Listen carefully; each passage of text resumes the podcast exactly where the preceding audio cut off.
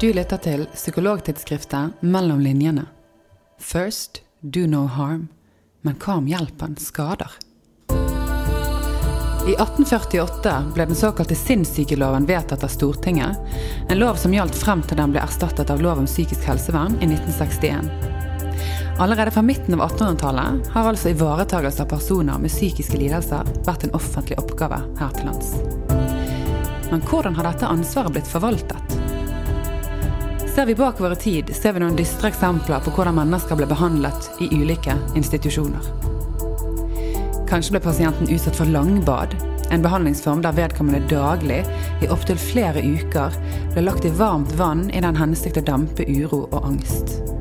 I stedet ble hud og muskler skadet. Kanskje ble pasienten utsatt for sovekur, en behandling der vedkommende ble lagt i søvn med et narkotisk stoff i inntil tre uker, kun vekket for å innta flytende føde. Dette skulle gjøre de mer i stand til å ta imot hjelp. I stedet ble mange syke og skadet, ja, de til og med mistet livet. Kanskje ble pasienten utsatt for krampekur mot schizofreni. En behandling som førte til kramper, åndedrettsstans, en kropp spent i bue, blålig ansikt og til slutt tap av bevissthet. Noen brakk ryggen, noen. Dette var blant det som fantes for å behandle syke mennesker den gangen. Ja, for å ikke snakke om lobotomi, der man skal direkte inn i pasientens hjerne. Gjennom etterkrigstiden og frem til norgeshistoriens siste inngrep ble utført i 1974, ble over 2500 pasienter utsatt for dette. Mange av de ble varig skadet, og mange døde. Men hva var egentlig alternativet? I dag tar vi avstand fra sånne praksiser, og ser gjerne med gru på det vi tenker på som datidens horrible menneskesyn og inhumane psykiatri. Men blir ikke det litt for enkelt? Er det mulig at hjelp som gis i beste hensikt, også kan føre til skade? Selv om dette ikke er intensjonen, og selv om man ikke erkjenner dette mens det skjer. Velkommen til Psykologtidsskriftet Mellom linjene, der vi i dag tar et blikk på vår egen mørke historie, både for å forstå den, og ikke minst for å besvare episodens viktigste spørsmål. Hva kommer framtiden til å dømme oss for? Hva er vår tids lobotomi? Jeg heter Heidi Wittrup Djup. Jeg er redaktør i Psykologtidsskriftet. Og i denne episoden er jeg så heldig at jeg har med meg Kim Sverre Larsen. Han er psykologspesialist ved Sykehuset Østfold, og også tilknyttet Nasjonalt senter for selvmordsforskning og forebygging ved Universitetet i Oslo. Han har studert og ikke minst skrevet mange tekster i vårt eget og i andres tidsskrift, bl.a. om ulike behandlingsformer som vi i dag vil anse som mildt sagt problematiske. Særlig gjelder dette lobotomi, og i tillegg så har han en del tanker om bekymringsfulle tendenser i dagens samfunn, som f.eks. at alminnelige menneskelige problemer i økende grad møtes med diagnoser og merkelapper. Vi skal få høre hva han mener er psykologenes rolle oppi alt dette her, men aller først skal vi altså da dykke mer inn i fortiden, nærmere bestemt i lobotomiens historie. Og Kim, kan du begynne med å forklare hva lobotomi egentlig er for noe? Veldig kort så var det at man boret hull i skallen, enten på sidene eller på toppen, og forsøkte å skjære over forbindelseslinjene mellom frontallappene og den basale hjernen, altså resten av hjernen. Og det som er litt problemet her, er at man ikke så hvor man skar hen, fordi dette skjedde jo litt i blinde. Sånn at det var jo en veldig sånn røff måte å, å gå til verks overfor et så delikat organ som hjernen. Så eh, fikk man også en variant eh, senere hvor man eh, gikk inn gjennom øyehulene med et sånt litt tynt jernstav, på en måte, og vispet litt rundt der. Så det var jo ganske vanvittig å tenke på i ettertid. Ja, det høres jo vanvittig ut, da. Men hvordan ble dette mottatt den gangen, og hvordan kom dette her egentlig på plass i utgangspunktet? Ja, altså Det at den kommer på plass i det hele tatt, er jo rart å tenke seg nå. Men ikke hvis du tenker de, hvordan de tenkte da. Fordi media som er så kritisk mot psykiatrien i dag, de var da veldig eh, rosende overfor disse uh, operasjonene. Og de ble, det ble reportasjer om vellykkede operasjoner, intervju med fornøyde pasienter, eh, med deres slektninger osv. Så der var det en veldig stor forskjell. Eh, noe annet var det faglige. altså Psykiaterne fikk endelig et konkret instrument. De hadde sakket akterut i forhold til resten av medisinen og de fremtid som ble gjort der. Eh, og ble, Psykiatrien ble en litt sånn backward-disiplin. og endelig så får de en sånn high-tech, tilsynelatende high-tech-greie, da, for det var jo ikke det, som de da mm, får som et lovende instrument. Og så var det også i tiden en veldig behandlingsoptimisme. Eh, man tenkte at nå var man på sporet, nå var man virkelig på sporet, fordi mange andre altså medisinske tilstander hadde latt seg behandle. Så det var en sånn fremskrittstro som gjorde at man kanskje bremsa mindre enn man burde ha gjort. da. Eh, så er det også en ting som er viktig, det kan vi bruke litt mer tid på kanskje også. altså det med eh, at Hvis man ser hjernen som opphavet til psykiske lidelser, så er det jo ganske logisk å gjøre noe med den. Eh, og det gjorde man, da. Ja, og Vi skal komme litt tilbake til dette med behandlingsoptimismen og hvilke andre tilstander som lot seg behandle, og hvorfor man eh, hadde så stor tro på å finne da, det biologiske grunnlaget for disse lidelsene. Men før vi går inn på det, kan du si litt om hvilke psykiske lidelser det var snakk om? Altså, Hvem var det som ble utsatt for disse prosedyrene? Altså, Det var jo da alvorlige, de ville kalt i dag alvorlige psykoser. Ja. Eh, I utgangspunktet, men så er det også sånn med enhver Eh, antatt vellykket terapi, så har den en sånn imperialistisk eh, innebygget eh, forutsetning. Så man etter hvert som man da brukte det med antatt hell på alvorlige tilstander, så utvidet indikasjonen seg også. Slik at det er eksempel på at det er brukt på tilstander som vi ville kalle ganske milde. Mer atferdsmessige avvik som var plagsomme, på en måte. Ja, Så man har en situasjon der denne prosedyren, som er veldig inngripende, faktisk har blitt brukt på tilstander som den ikke skulle blitt brukt på, rett og slett. Men i utgangspunktet da, så er det snakk om store lidelser for pasienten og for de pårørende, og for omgivelsene. Eh, og så var det kanskje ikke så veldig mange alternativ, rett og slett. Da. Kan du si noe om det? Ja, altså det, det var en desperasjon som gjorde at man grep til det man hadde. Og så fikk man en, en eh, situasjon med lav kunnskap, men et veldig handlingsimperativ. Og det er klart, Da er det moralsk sett fare på ferde. Noe må gjøres, men du har ikke forståelsen eller kunnskapen til hva du skal gjøre. Og da får man jo denne veldig uheldige kombinasjonen. da. Altså Man tenker at eh, en tvilsom kur er tross alt bedre enn ingen. Ja, sant. Tanken om at det er bedre å gjøre noe enn å gjøre ingenting. Um, nettopp. Men var alle veldig positive, eller var det kritiske motstemmer allerede den gangen? Det var kritiske stemmer allerede den gangen. Og hvis du ser på Norge, så er det ganske store regionale forskjeller i inngrepene. Det var bl.a. Eh, overlege Rolf Gjessing ved Dikemark. Han nektet å utføre dem. Han mente at eh, den kunnskapen de baserte seg på, var ute av takt med den eh, bivirkningspotensialet som var i dem. Så det er jo eksempel på en veldig klar motstemme. Mm. Så de fantes, men de var veldig få, og de var altfor få til i særlig grad å bremse eh, utviklingen av det. Eh, bortsett fra på den ene avdelingen hvor han var overlege, selvfølgelig. Mm. Men, eh, men, ellers ble de motstemmene marginale. Ja, og i en tidsånd og i et klima der det er så mye optimisme, så er det kanskje ikke helt enkelt å være den motstemmen heller. Hvis du er mot noe som veldig mange er for, så blir du en marginal og litt sånn patetisk skikkelse. Mm. Og det ble nok også disse motstemmene den gangen. De var liksom mot vitenskapen, de stakkarene der sånn. Det er jo litt fristende i dag da, å påpeke at det kanskje burde ha vært flere motstemmer den gangen. For sånn som du beskrev prosedyren innledningsvis, så høres det jo eh, nærmest vilkårlig og rett og slett farlig ut. Og det var jo mange bivirkninger. Sant? Kramper og inkontinens og sløving av emosjonelle og intellektuelle funksjoner og det siste der var for så vidt en del av behandlingsmålet, da, men eh, likevel store, gjennomgripende endringer. Men hvor farlig var det? Kan du si noe om det? Ja, det er et ganske interessant spørsmål. For det er, det er sånn lett å se i ettertid at eh, når det var så farlig, så hvorfor fortsatte man med det?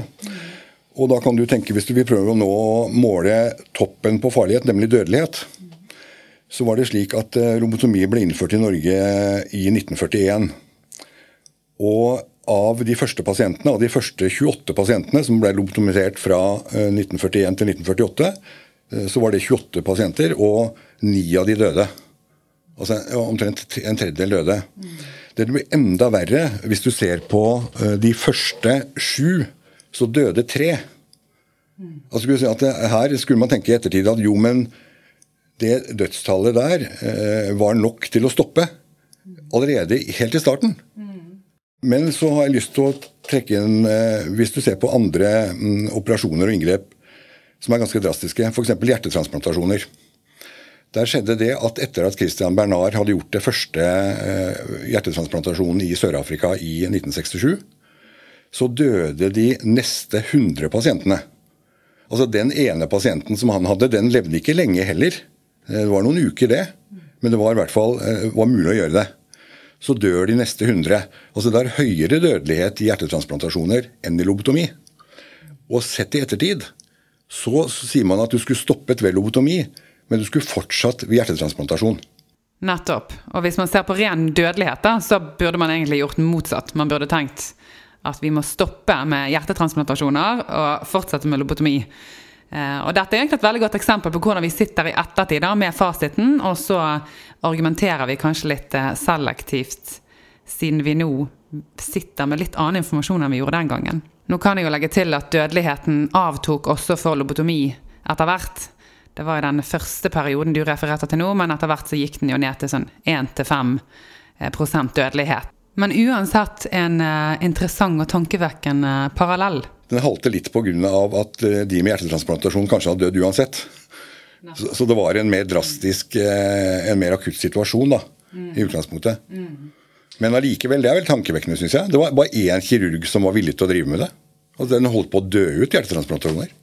Det er absolutt eh, veldig interessant og egentlig helt på sin plass at du trekker paralleller til medisinske tilstander. For det var jo Eh, litt det som var grunnen til at man hadde denne behandlingsoptimismen som du refererte til tidligere. For hvis vi går litt tilbake til det, eh, så var det jo det spørsmålet. Hvordan kan en prosedyre som vi i dag ser med gru på, foregå så lenge? I lys av de bivirkningene og i lys av den dødeligheten som var. Eh, og for å forstå den behandlingsoptimismen, så må vi tilbake igjen til begynnelsen av 1900-tallet. For du har forklart til meg at på den tiden så utgjorde pasienter med paralysis generalis en betydelig andel av eh, pasienter innlagt i psykiatrien, hele 20-25% Dette var pasienter med dårlige prognoser og store lidelser. Men så oppdager man da i 1905 at denne tilstanden er et resultat av syfilis i tredje stadium og en spesifikk bakterie.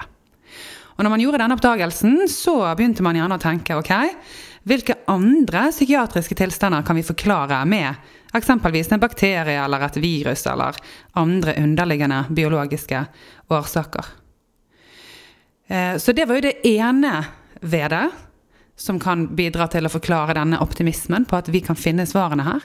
Det andre var at en psykiater fra Østerrike, Julius Wagner Schoreg, han hadde lenge observert at pasienter med denne tilstanden de ble bedre av feber. Og en måte å få feber på, det er ved å få malaria. Eh, og da begynner man å forske på hva som er grunnen til at disse pasientene blir bedre av feber. Så man begynner da å injisere malariablod fra pasienter med malaria inn i de pasientene med eh, paralysis generalis. Og så ser man at veldig mange av de blir bedre. Og så lurer man på er det pga. antistoffer i malaria, eller er det pga. varmen i seg selv. Etter hvert så får man jo da klarhet til dette her. Det er varmen og ikke malaria i seg selv som er den virkningsfulle ingrediensen i behandlingen. Så man kan gå vekk fra malariaterapi, eh, som er bra, med sin 15 dødelighet, og heller legge pasientene i varmebad på 40 grader, og så får de samme effekt. Eh, etter hvert så tok jo penicillin over behandlingen her, men det er ikke poenget. Poenget her er at man får da vist, på sett og vis, at her er det eh, biologiske muligheter for bedring. Og det fører da til denne behandlingsoptimismen. Er det riktig? Helt klart. Dette blir jo paradigmatisk, både for å akseptere da lobotomi, og for å også akseptere andre ganske brutale terapier som har det samme fundamentet. Og Det er veldig forståelig. Du, hva ville du tenkt i 1905 selv? Hvis du jobba i psykiatrien i 1905. Oi, her var det mulig å behandle en fjerdedel av pasientene med en medisinsk, rent medisinsk teknikk. Du ville tenkt at jippi, dette må vi gjøre mer av. Ja, og du har jo eh, faktisk eh, flere eksempler du på eh, ja, hva skal jeg si, litt oppsiktsvekkende behandlingsmetoder som ble brukt i datidens psykisk helsevern, hvis jeg skal kalle det for det. Eh, ja, og det som er interessant nå, og hvis man leser um, tekster fra denne tiden, så er det prosedyrer som for oss vil oppfattes som straff eller tortur, men de blir oppfattet og begrunnet som terapi. Altså Et eksempel er skremmeterapi. Eksempel. at du kunne komme og skremme pasienten noe så forferdelig. Og det forventes å ha en sånn helbredende effekt da, på sykdommen. Eh, en annen sånn favoritt fra, eh, som jeg syns er ganske merkelig, det er eh, såkalt overraskelsesbad. Du var inne på sånne vannkurer i stad. Det var det veldig mange av. da. Langbad og alt mulig. Og spyling med så høyt trykk at det, meste ble ødelagt, holdt jeg på å si. Men en sånn favoritt fra psykiatrihistorien syns jeg er kategorien overraskelsesbad. Altså Der sto pasienten på en sånn plattform som hadde en sånn lem på seg. Eh, og den kunne utløses av behandlerne eh, uten at pasienten så det, for han hadde bind for øynene. Så der tenkte jeg pasienten oppå det platået, bind for øynene og oppå lemmen. Og så tok eh, behandlerne, da, terapeutene, de utløste lemmen, og pasienten datt ned i iskaldt vann. Det var overraskelsesbad, da. Og det skulle da virke? Det skulle da virke, og det var en del av det terapeutiske arsenalet. Du har andre ting, som sultterapi f.eks hvor man sultet pasienten og, um, lenge og vel. Og så satt den, i, av, satt den i nærheten av der hvor um, personalet spiste. Og da står det at da vil pasienten merke sultens helbredende virkning. Altså man, man, vi tenker at dette er som jævlig dårlig gjort. da, Må ikke holde på sånn. Det er moralsk forkastelig. Men de tenkte at det, nei, det er ikke, det er ikke moralsk forkastelig, det er terapi. Det er terapi. Nettopp. Det er jo eh, nesten helt utrolig, det du forteller. Um, det gjør veldig inntrykk, og det er nesten tragikomisk. Samtidig er det jo litt vanskelig å få øye på sin egen samtid. Eh, vi blir litt som fisken eh, i vannet, sant? som ikke legger merke til eh, vannet rundt seg. Vi ser kanskje ikke så klart det som foregår rundt oss mens det foregår. Og du har jo et ganske artig eksempel på nettopp dette, fordi du har referert til en bok som heter Maleus Maleficarum Eh, fra 1487, som er en slags eh, håndbok i hekseakt, sier du. Eh, og den, Det blir jo veldig tydelig for oss. sant? Er, den inneholder en del underliggende forutsetninger som vi ser, men som ikke var like tydelige den gangen. Den boken legger rett og slett til grunn at hekseri er helt reelt. Og hvilke implikasjoner får egentlig det? Det å tvile på at hekseri finnes, det er i seg selv et bevis på at du er heks. Sånn at Det var en sånn catch all-greie. da, Og så var det diagnoser. ikke sant, Hvordan du kunne finne hekser, og hvilke diagnostiske kriterier du måtte se etter. og Så var det ofte lett å se for oss at den eh, skapte hekseri i en sånn selvoppfyllende dynamikk. da, eh, Ved at du skulle lete etter the devil's mark, som var en insensitivt punkt på huden. Men så stakk du nåler inn i huden til pasienten for å prøve, eller pasienten, eh, hva skal vi si, hva kalte den der, den prospektive heksen for å prøve å finne The Devil's Mark. Og stakk du tilstrekkelig mange ganger, så ville huden bli insensitiv så du fant det. Sånn det var en sånn dynamikk da, som var veldig selvoppfyllende. Som var veldig interessant å studere. Altså. Ja, og sånn fikk man altså da bevist at hekser, det fins. Og til eh, våre kjære lyttere, så er det en grunn til at vi plutselig nå sitter og snakker om hekser. Eh, og det gjorde inntrykk på meg i sted, Kim, når du sa at det var terapi. Eh, for hvis vi ser på psykiatriens historie, så har vi gjort en del ting mot pasienter og så har vi legitimert det. Eh, og vi har eh, rettferdiggjort det, vi har forklart det, fordi det er terapi. Det har et mål. Og Parallellen vi trekker her, den er ikke helt på jordet. Eh, og kan du, Kim, forklare hvorfor? Hvis vi går tilbake til disse stakkars heksene som ble torturert og diagnostisert på ganske voldsomme måter, da, mm. så blei jo begrunnelsen for det i et, i et, samfunn hvor religiøsitet eller religion danner det øverste legitimeringsnivået. Så kan man ikke høre for mye på de, deres lidelser, fordi man dytter dem mot frelse. Og det er så bra. Det er et overliggende mål, så man kan ikke begynne å knusle med kukrute da. Det nytter ikke. Mm. når resultatet er eh, frelse, så kan vi ikke drive og holde på med hva pasientene sier selv. Eh, vi må ta kontrollen her. Eh, hva gjør vitenskapen? Jo, i vår tid så er det vitenskapen som er det overliggende legitimeringsnivået og helse, som er en veldig gunstig ting. Så hvis vi skyver pasienten mot helse, så så det, eh, setter det ut av spill en del annen sånn moral eh, som vi ellers ville ha tenkt rundt dette problemet da. Fordi helse er så overliggende gode at dette må bare gjøres, det. altså. Sånn at det, det er en sånn interessant parallell som gjør at mange av disse uh, såkalte terapiene høres jo ut som tortur i dag. Men de var begrunnet i en sånn helse, med en helsebegrunnelse, og helse igjen til vitenskap. Så det var veldig og, og, det skjer jo i dag, altså noe som gjøres i vitenskapens navn, på en måte. Det er lett at det annullerer litt eh, moral. Mm. Altså Forskning viser som et sånt argument. ikke sant? Altså, da, da, er det liksom eh, det meste sagt. Ja, og akkurat dette her syns jeg vi skal forfølge litt. For nå har vi snakket mye om eh, fortiden. Denne mørke historien vi har bak oss. Eh, men eh, vi lever jo i en samtid som vi jo har snakket om at er vanskelig å oppdage mens den pågår. Eh, og du nevner at vitenskapen er det høyeste legitimeringsnivået. Du sier også at helse er et eget mål, et stort mål i dagens samfunn. Og det ville vel kanskje være en unnlatelsessynd å ikke reflektere litt rundt vår egen tid her og nå. Det finnes mange eksempler på mennesker som forteller at de har blitt utsatt for eh, store krenkelser og har fått det vondt verre, og at dette også skjer i det godes tjeneste. Og hvis vi skal hente noen eksempler fra psykisk helsevern eller psykiatrien, da, så har jo Psykologtidsskriftet selv dekket en sak der to kvinner har tatt ut søksmål mot den norske stat pga. Eh, behandlinger de har fått ved flere anledninger i perioden 1988 til 2016. Eh, begge har for øvrig utviklet posttraumatisk stresslidelse, PTSD, eh, som følge av denne behandlingen. Diskusjoner om tvangsbruk i psykisk helsevern, diskusjoner om medikaliseringen, diskusjoner om diagnosene. Dette vil jo pågå. Det, det er diskusjoner som går ved jevne mellomrom i fagmiljøene og blant behandlere og blant pasienter og brukere og pårørende. Jeg kan jo helt kort nevne at eh, Psykologtidsskriftet har en YouTube-side, og der ligger bl.a. en panelsamtale som omhandler bruk av tvang. Den kan være interessant å se for eh, lytterne. Men vi skal bevege oss litt videre, for jeg vet at du Kim, du har jo noen tanker om hva ettertiden kanskje vil dømme oss for, eller i hvert fall undre seg over. Kan du si noe om det?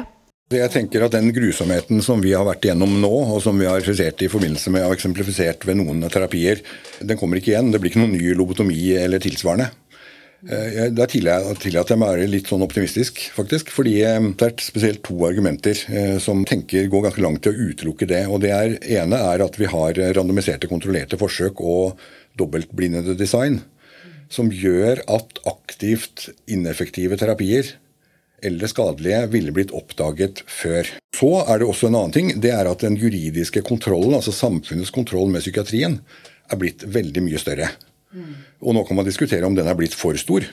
Eh, det går også an. Altså det, og du kan også tenke deg at pga. Eh, historiens eh, lærdom her, så kan den ha blitt for stor. altså Som en sånn reaksjonsdannelse. Det kan man også diskutere. Men i hvert fall, om man har de to momentene, mm det gjør at det vi da eventuelt blir dømt for i dag, det eh, vil jeg tenke vil bli mildere ting. Ja, så det ligger et ganske stort vern i det at vi har bedre forskning og bedre juridisk kontroll. Det er jo godt å høre. Optimistisk. Men jeg vet du har lest en del rusmiddelhistorie, eh, og du har en del meninger om at det feltet kan bli ganske følelsesstyrt og rett og slett litt irrasjonelt. Kan du gå gjennom det resonnementet for lytterne våre, er du grei? Altså, Alkohol hadde jo umulig blitt tillatt i dag med det man veit om skadevirkningene. Mens tetrahydrokanabinolstoffene tetrahydrocannabinolstoffene f.eks. de har vel kanskje en bedre sak medisinsk, så vidt jeg har skjønt. da. Eh, de er forbudt. På norsk så skiller vi på legalitet. Og da blir det ene medisin, og det andre narkotika.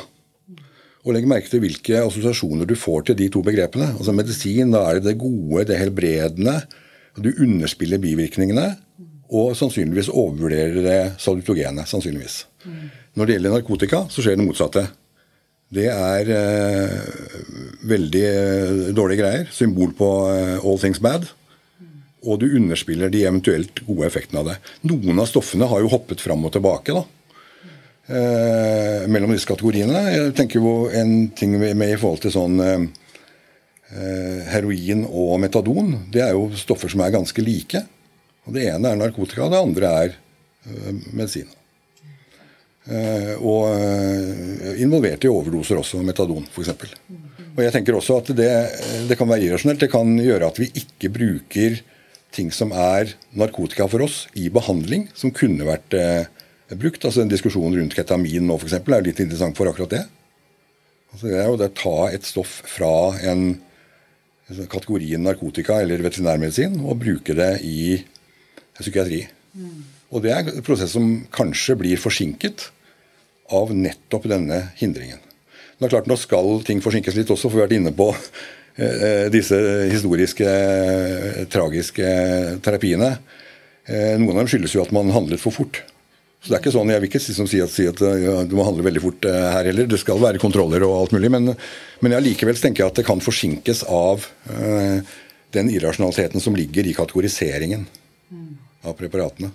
Altså Bare tenk på hippiene, f.eks., uh, som jo var veldig sånn rusmiddeldyrkende på mange måter. da. Og de rusmidlene som eh, ble knyttet til de, de ble jo forbudt med en gang. Altså LSD var jo lovlig i USA fram til 1966 eller noe sånt. Og der, eh, der blir det jo, ser du et eksempel på den politiseringen eller den ideologiske kontekstualiseringen av, av preparatene fører til et forbud med en eneste gang. De, de har ikke medisinsk eh, forsket på funnet ut noe annet enn de visste før. Men det er den kontekstuelle variablene. Og det er det som jeg tenker, er veldig irrasjonelt. Hold fokus på det medisinske og det psykologiske forskningen. Hva viser den? Og ikke la det distrahere av kontekstuelle faktorer. Og jeg synes Når jeg leser psykiatrihistorie og rusmiddelhistorie, syns jeg det er det som skjer hele tida. Ja, og det er jo interessant å se på hvordan både vitenskapen og fagfeltet påvirkes av samfunnet, samfunnets diskurs, holdningene som er rundt oss, etikk og moral. Og jeg har lyst til å snakke litt mer om hvordan dette her henger sammen. For det at vi som fagpersoner, fagmiljøene, vitenskapen, det er jo også med på å påvirke samfunnet rundt oss igjen. Så dette går jo begge veier. Og du har jo vært opptatt av det, hvordan vi påvirker holdninger og forventninger i samfunnet. Og I den forbindelse så er det spesielt én bok du er litt opptatt av. Du har lest mange bøker, men denne her boken her, den rister du litt på hodet over, tror jeg. Det er rett og slett DSM, altså det internasjonale diagnosesystemet. Kan du fortelle litt om det? Ja, den er veldig interessant. DSM-systemet er veldig interessant fordi det tallene det på en måte illustrerer mitt poeng om at eh, patologien eh, ekspanderer og normaliteten blir mindre og mindre. Den kom første gang i 1952. Da hadde den 106 diagnoser. Så kom den igjen i 1968, i 1980, i 1987, 1994. Og i 1994 da hadde den plutselig 297 diagnoser. Og den siste øh, utgaven av DSM-5, som kom i 2013, den var på 991 sider. Til sammenligning som var den 1952-utgaven på 130 sider. Så det er lett å legge i dette, hvis du ser på antall diagnoser og antall sider, en ekspansjon. Altså det, det, det, utvider seg, altså, og det griper inn da på mer um, allmennmenneskelige tilstander. Og det gjør noe med ansvaret for dem, og hvem som skal gjøre noe med dem. Eh, bare ett, en diagnose, f.eks. Før så kunne du vært i, være i dårlig humør og bli eksplosiv og vanskelig å ha med å gjøre, og vrang og slå deg vrang. Og, um, men det trenger du ikke nå, for nå kan du få intermittent explosive disorder. Og det er da at du blir eh, litt sånn lemenaktig forbanna, ikke sant. Eh, så nå er det en, eh, mer greit. da. Så det er ikke min skyld. Det er ikke det at jeg er lav selvkontroll og blir drittforbanna uten grunn. Men jeg, har, jeg, er faktisk syk. altså Jeg har intermittent explosive disorder. Hva har det å si at det blir gjort til en sykdom istedenfor en, en uh, væringsmåte som du Jeg tenker at du har mer ansvar for å korrigere en væringsmåte selv enn du har en diagnose. Hvis du har intermittent explosive disorder, så må du jo gå til få terapi for det, da. Hvis det er et sånt problem. Ja, så det blir en måte å flytte ansvaret vekk fra individet på og over på et hjelpesystem, da. Men hvorfor har det blitt sånn? Hva er grunnen til denne voldsomme økningen i diagnoser? Og er det psykologene sin feil, er det vi som har ansvar for å stoppe det? Altså Når vitenskapen og sekulariseringen ekspanderer, så blir det logisk at diagnosene også gjør det. Fordi den vitenskapelige eller psykologiske måten å se atferd på, den ekspanderer. Så det er en slags eh, kulturell logikk i det også. Men eh, jeg vil ikke si at psykologene er helt eh, uskyldige heller. De reklamerer jo en del for seg selv også. Tidlig hjelp er god hjelp, ta kontakt i tide osv. Altså, det er jo en slags Det gjelder jo alle fag, har jo en slags måte å reklamere for seg selv på. Det ville være rart hvis vi ikke hadde det også, så det er ikke noe anklage mot psykologien. Men, men, det ligger i Og det å være et fag, så ligger det også en sånn måte at du vil reklamere for det og utbre det. At det, og det kan da gå inn i dette på en litt sånn dårlig måte. Jeg tenker at Det kan undergrave vanlige folks eh, evne til å gripe inn i problemet, f.eks. Altså krisepsykologi. Hvis, hvis, det skal være et ekspertanliggende, så kan det gjøre at vanlige folk som hadde vært nær og kunne ha hjulpet, eh, er mer tilbakeholdne fordi de er redd for det å gripe inn i et ekspertanliggende. Ja, og da vi snakket sammen før denne episoden, så hadde vi jo flere eksempler, både du og jeg, på eh, tilfeller der vi som psykologer har blitt kontaktet i ulike situasjoner og større eller mindre hendelser i folks liv der vi begge har erfart at det var forventning om at vi som psykologer burde komme inn og gjøre jobben, mens det kanskje ville vært mer riktig at det var læreren eller mammaen og pappaen eller naboen for den del som, som kom inn. da. Um, men, men, er vi mer på å skape en forventning om at, at vi vet best? At vi bør inn, eller hva tenker du om det? Ja, Vi har, vi har i hvert fall blitt skapt en kulturell forventning eh, om at eh, problemer kan betraktes eh, ved et psykologisk blikk og en psykologisk eh, diskurs. da. Og Det ser du ganske tydelig. altså noen ganger så, Vi kan kanskje se det tydeligst hvis man tar de mest ekstreme eksemplene. Og Jeg kan ta tre eksempler på det. For eksempel. altså Under en boksekamp i høsten 1997 så klarte Mike Tyson å bite av deler av øret til Evander Holyfield under en kamp. Mm. Og eh, Hva var løsningen på det? Jo, da sa han etter kampen at han eh, ville gå til psykolog for å få vite grunnen til hvorfor han hadde bitt av øret på boksemotstanderen. Så da liksom blir psykologien plutselig inn etter. da. Mm. En annen mordsak som ligger litt tilbake i tid, hvor en person hadde myrdet med 15 års mellomrom. Veldig grove og seksualiserte mord. Eh, begge to på eh, ene på samboer, andre på stedatter. Eh, han står fram i VG og vil vite grunnen til at han dreper. Så der har liksom Da er han som kan liksom kreve det. Han kan kreve grunnen. Og et eksempel fra 2023, altså nå bare noen måneder gammelt, så er det en, en mann som angriper et tilfeldig offer på trikken med en tapetkniv. Det er ganske farlige greier, da. Og han ruser seg hver dag. Eh, og han, eh, i fengslingsmøtet så ønsker han en utredning av sin psykiske helse. Så er det plutselig psykologien som har, skal, skal drive og forklare dette her, da. Ja, altså Jeg syns jo det derre Det er lett å se at det har en bieffekt, i hvert fall.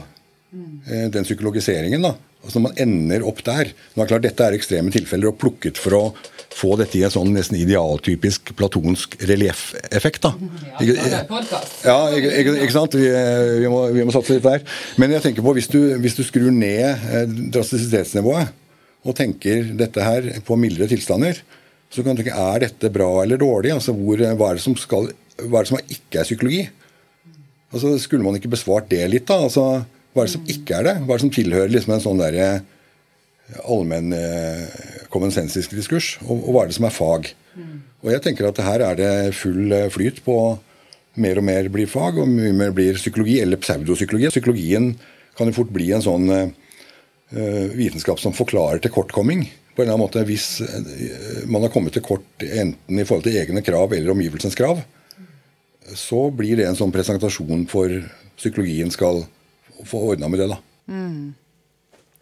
Og, og, det som jeg syns var interessant, som du òg sa da vi snakket sammen før denne episoden, det var jo dette med altså, at det er akkurat som offeret eh, altså, vi, vi, dyrker en slags sånn offertenkning.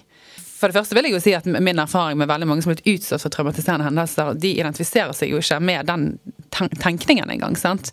De ønsker jo å, å, å reise seg igjen og ha ressurser å spille på.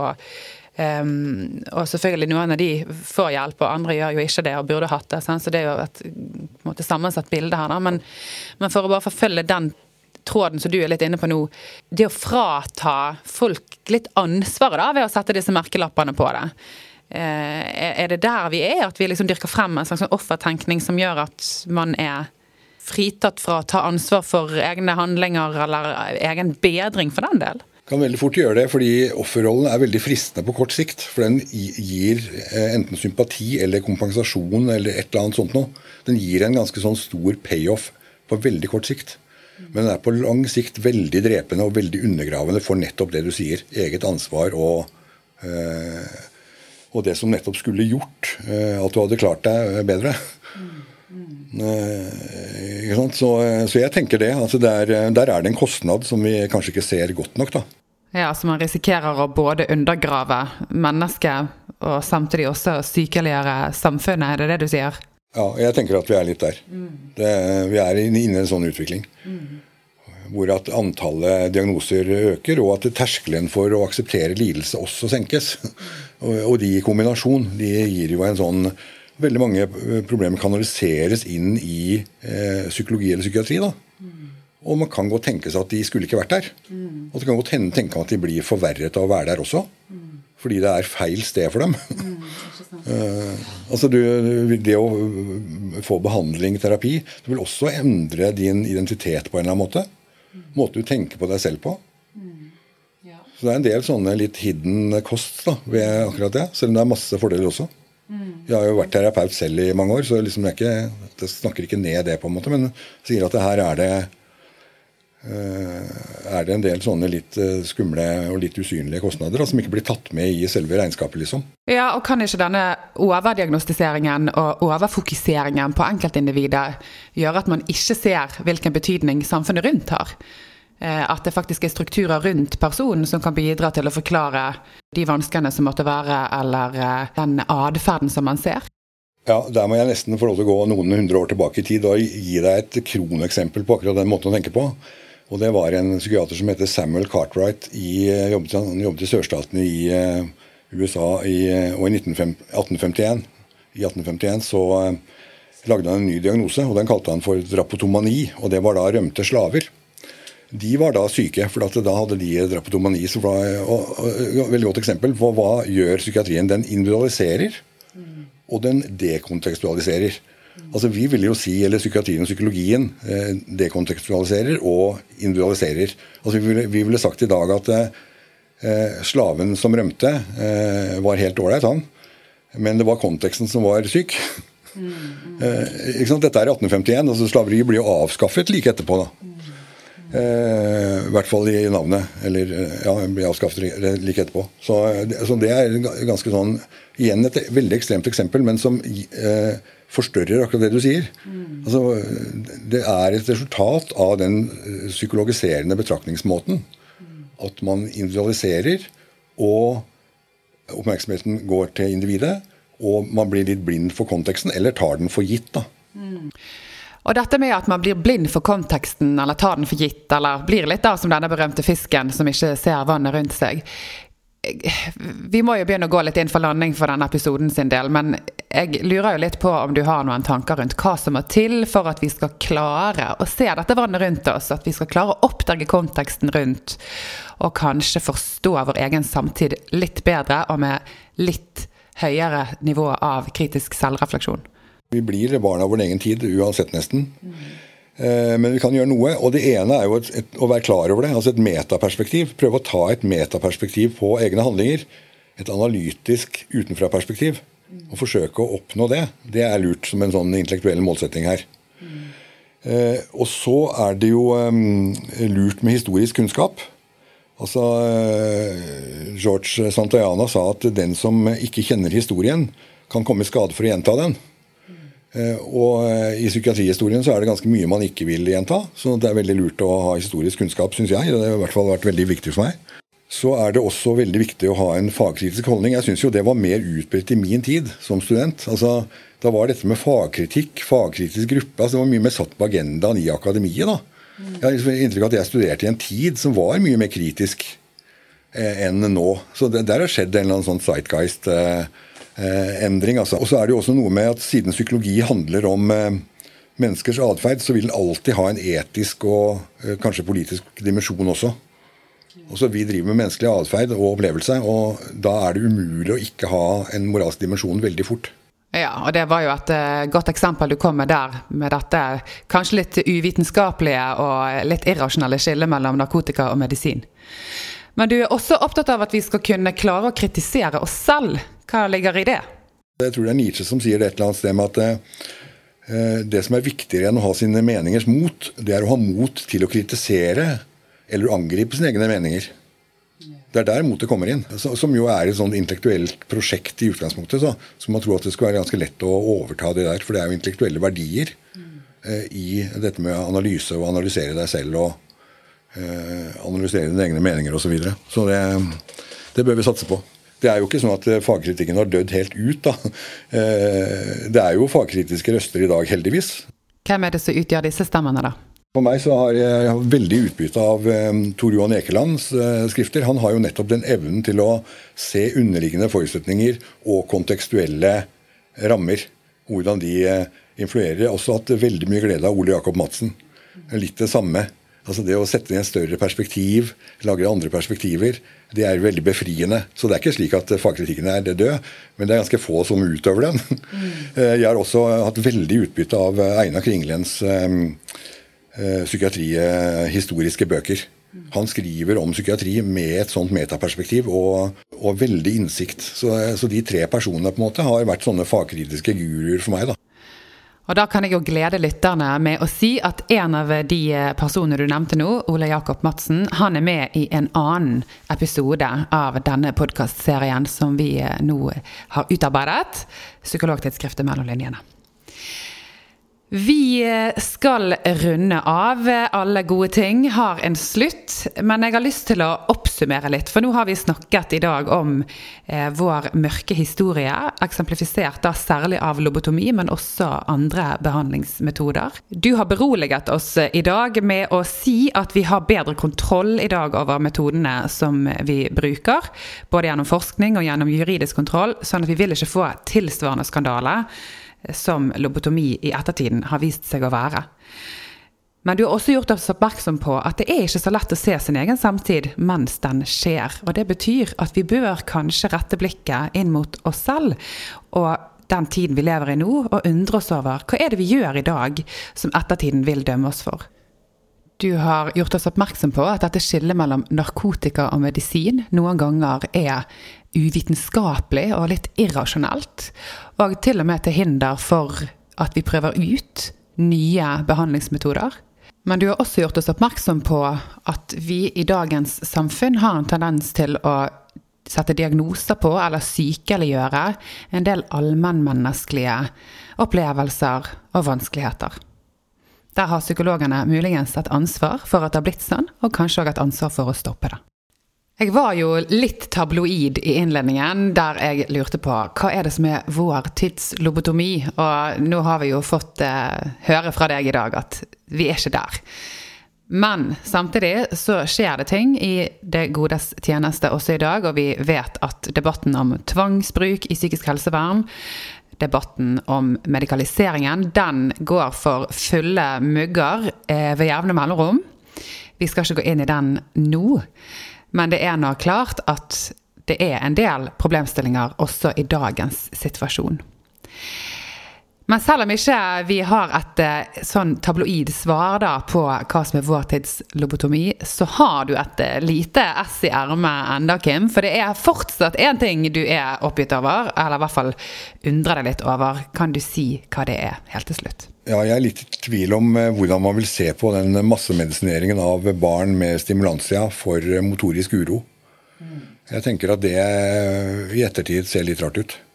Eh, jeg har vært med på det selv. Eh, men jeg tenker at det har utvidet seg eh, veldig mye i forhold til indikasjonen.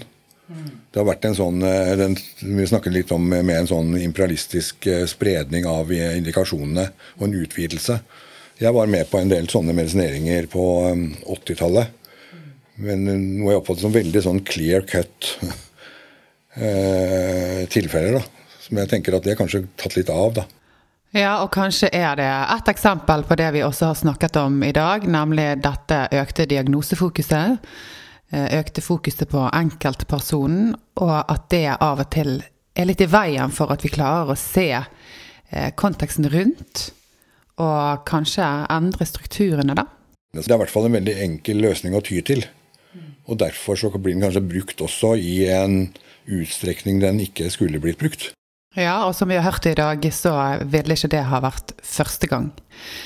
Igjen, noen ganger så kan det virke som det er bedre å gjøre noe enn å gjøre ingenting. Men det har vi lært i dag, Kim, takket være deg, at det er nei, men ikke sikkert at det er sant. Bare fordi det er terapi, så betyr det ikke at det er det vi skal gjøre.